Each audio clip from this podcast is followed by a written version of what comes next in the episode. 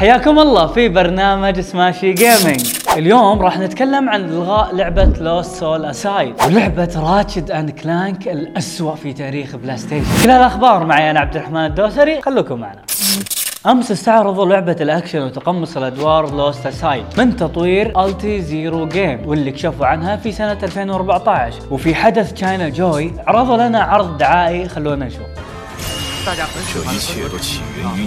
大家很喜欢这一切都起源于你。对，因为我个人也比较喜欢最终幻想啊，还有鬼泣忍龙这种，呃，很很华丽、很很动作性，包括这个造型。 وزي ما شفتوا اللعبة شبيهة بلعبة فاينل فانتسي بس فرع الصين وطلع حساب بلاي ستيشن الصين في تغريدة وقال إن اللعبة راح تكون على البلاي ستيشن 5 وال PC وبمحرك تطوير Unreal Engine 4 فالمتوقع إنهم ألغوا إصدارها على البلاي ستيشن 4 وصح على طاري الإلغاء أصدرت سوني لعبة Ratchet Clank Rift Apart لجهاز ال PC بعد إصدارها في بلاي ستيشن 5 واللي ما يعرفها خلوني أوريكم فيديو لها Wow.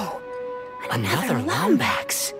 Wait, I have to find my friend. Where are you, Clank? You okay, Bolts? You came after me.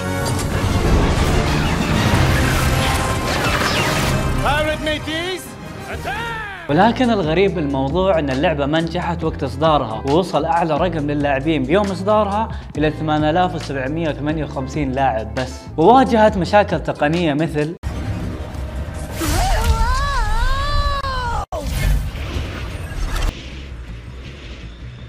وأيضا طلعوا مطورين اللعبة وقالوا إن لازم تستخدم وحدة تخزين SSD بدال ال HDD واللعبة تعتبر من أسوأ ثلاث ألعاب من سوني لمنصة ال PC وهذه كانت آخر أخبارنا من سماشي جيمنج معي أنا عبد الرحمن الدوسري. إن شاء الله إنها كانت حلقة لطيفة خفيفة عليكم. ونشوفكم الحلقة القادمة. صح؟ لا تنسون تشتركون في حسابات سماشي